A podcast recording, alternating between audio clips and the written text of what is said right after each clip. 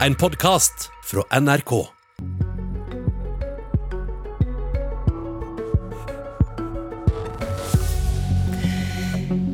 I 2018 ville regjeringa bruke ca. 360 millioner kroner på å avvikle pelsdyrnæringa. I dag er regninga nesten tidobla. Om lag 3,4 milliarder kroner ligger på bordet etter at opposisjonen tok styringa. Pelsdyrbøndene får mer enn de taper, mener regjeringa. Vel møtt til Politisk kvarter. Opplegget for erstatning til pelsdyrbøndene er altså klart etter tre år. Regjeringa måtte kaste inn håndkleet, opposisjonen har laga et helt eget opplegg som også ble vesentlig dyrere. Opplegget kan også omfatte om lag 100 flere pelsdyrbønder enn det opprinnelige forslaget. Terje Aasland, næringspolitisk talsperson for Arbeiderpartiet. Hvorfor har regninga for å avvikle pelsdyrnæringa tidobla seg? Om den har tidobla seg er veldig usikkert, så det er en spekulasjon i tall som jeg tror ikke har rot i virkeligheten. Men det det handler om, først og fremst, det er jo å erstatte eh, en næring, altså gi erstatning og oppreisning til folk som har blitt fratatt inntektene sine og fratatt driftsmidlene sine ved at de har blitt eh, blitt eh, null verdt i løpet av eh, vedtaket i Stortinget. Så det er det det handler om. Og det vi mener at vi skal gjøre det på en ordentlig måte, en ryddig måte, og det er det vi nå har gjort. Men du er enig i at det har gått fra noen hundre millioner til milliarder? Jo, men de 100 millionene som, eller de 100 millionene som regjeringen i utgangspunktet la inn her, 360 millioner kroner, det er jo bare en eh, stadfestelse at regjeringen overhodet ikke har hatt kontroll på hva de har gjort og hva de har beregna med. Og så skylder vi vel å opplyse om at eh, de sjøl var oppe i 1,2 milliarder etter hvert. Men la oss gå inn i den måten det nå har valgt å gi erstatning til eh, pelsdyrbøndene på. For vanligvis, når staten går inn og krever eiendom fra oss, så har vi et institutt, ordeigingslover. Vi har lange tradisjoner for det. Det er grunnlovfesta, Det er, blir kalla ekspropriasjon, og eh, også folkelig sagt full erstatning. Mm. Dette mener du ikke var godt nok å lage et helt eget opplegg, som mange vil mene gir, stort, gir bøndene mer enn full erstatning. Hvorfor fortjener pelsdyrbønder noe annet enn en annen bonde som f.eks. opplever at eh, grunnen hans blir tatt av staten, til vei eller flyplass? Ja, men Det gjør det ikke, men vi må ta med oss én ting. Det er at den, Når Stortinget nå har vedtatt et forbud mot pelsdyrhold i Norge, som Arbeiderpartiet var for, men vi var for å gjøre det på en ordentlig måte også, en ryddig måte, det betyr at de ikke skal sitte igjen med økonomisk tap. Og da er det sånn at I ekspropriasjonsretten så er det bruksverdien som i utgangspunktet legges til grunn, som du sier. Men det gir ikke tilstrekkelig trygghet, fordi at mange vil nok da komme i en situasjon hvor en taper egentlig ganske store midler. Så vi har laga en åpning for at eh, pelsdyrbonden kan velge å bruke noe som heter gjenanskaffelsesverdi, og legge det til grunn for utmåling av erstatning. Altså Det det koster å kjøpe pelsdyranlegget nytt, den, gang, altså den prisen da han kjøpte det, skal han ja. få nå? Ja.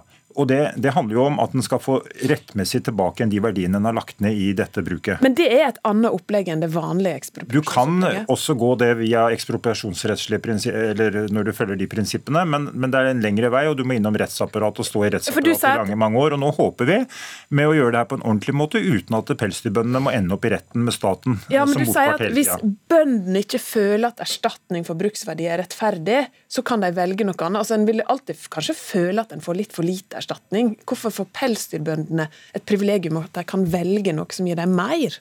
Det er fordi at det skal være rettferdig. Altså I utgangspunktet så kan du gjennom bruksverdien få egentlig ganske store tap påført den virksomheten som du har hatt.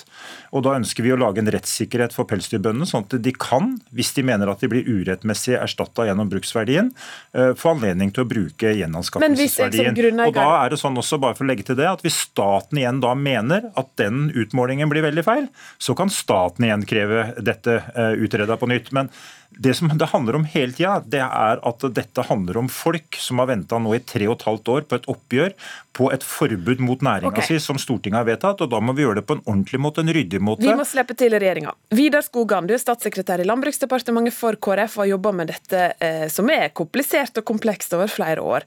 Da det sendte regninga til Stortinget, så var den på 1,2 milliarder, nå er den altså på 3,4.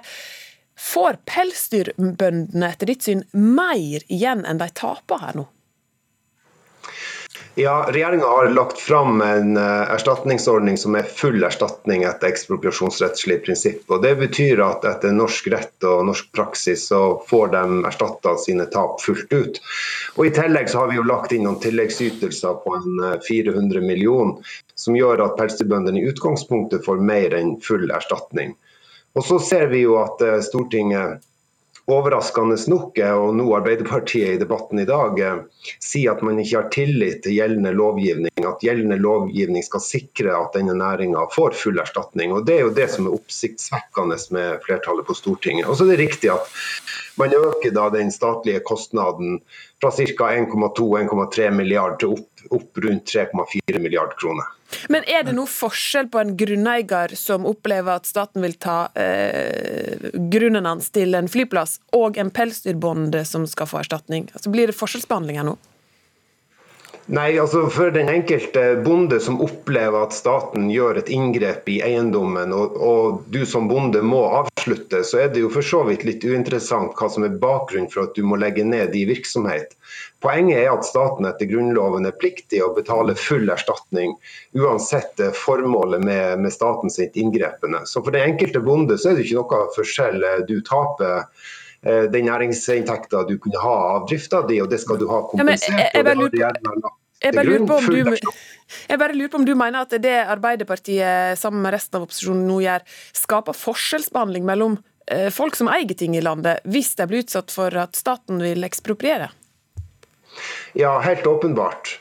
Eh, og det er klart det er jo det som er utfordringa framover. Hvis man nå skal eh, sier fra Arbeiderpartiet at gjeldende lovgivning eh, som bygger på Grunnloven, og som sier at man skal ha full erstatning. og Når da staten legger til grunn at eh, også denne næringa skal få full erstatning, så mener Arbeiderpartiet at gjeldende lovverk ikke er godt nok.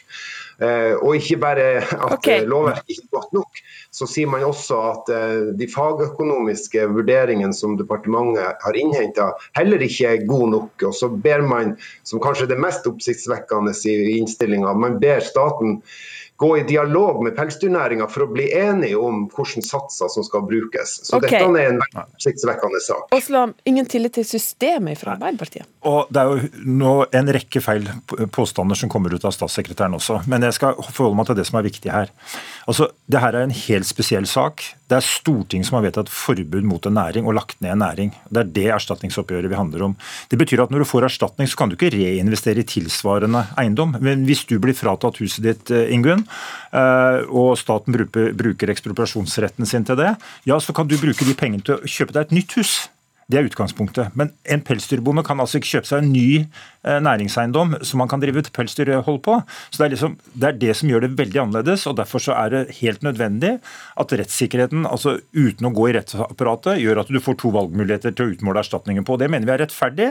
Det handler om å ta vare på de menneskene på en ordentlig måte og sørge for at eh, erstatningen blir, blir ordentlig. Men regjeringa hevder nå at bøndene får pelsdyrbøndene mer enn de taper overkompensasjon?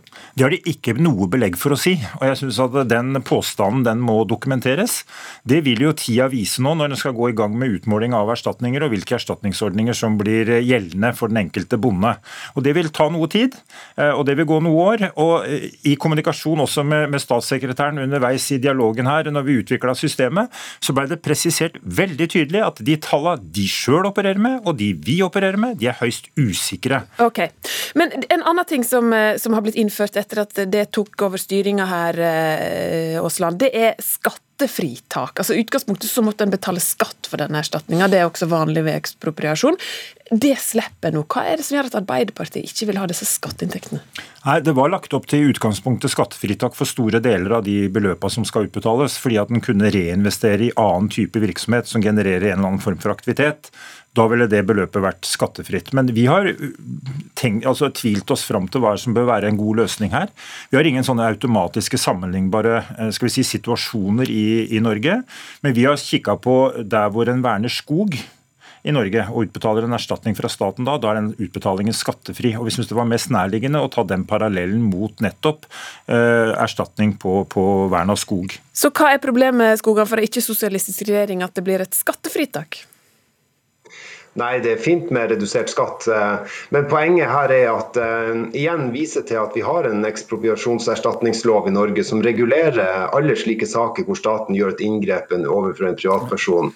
Uh, og Da heter det at hvis det er næringsvirksomhet som eksproprieres, så kan man innføre betinga skattefritak. Det vil si at dersom du reinvesterer erstatninga i ny virksomhet, så får du skattefritak. Okay. Det, er jo, det, er jo, det grunnleggende prinsippet i Norge er jo et, eh, et, solidarisk system hvor eh, alle midler skal komme til beskatning på et eller annet tidspunkt. Men her tar man altså ut eh, nærmere 3,4 milliarder som ikke skal ha til beskatning. Men, men, men nå må statssekretæren slutte å, å bruke tall som man ikke har belegg for egentlig å bruke, fordi det er høyst usikkert de tallene okay. som ligger der. Og Hvis det skulle medføre de tallene riktighet, så betyr det altså at den har en inntektsbeskatning på de erstatningene på ca. 50 og Det tror jeg ikke heller regjeringen har til hensikt å gjøre. Et lite poeng til slutt. Skogan, det har sagt at med den pakka som opposisjonen nå har fått eh, vedtatt, så må ESA få beskjed, for dette kan være i strid med statsstøttereglene. Mener du bestemt at det vil være det?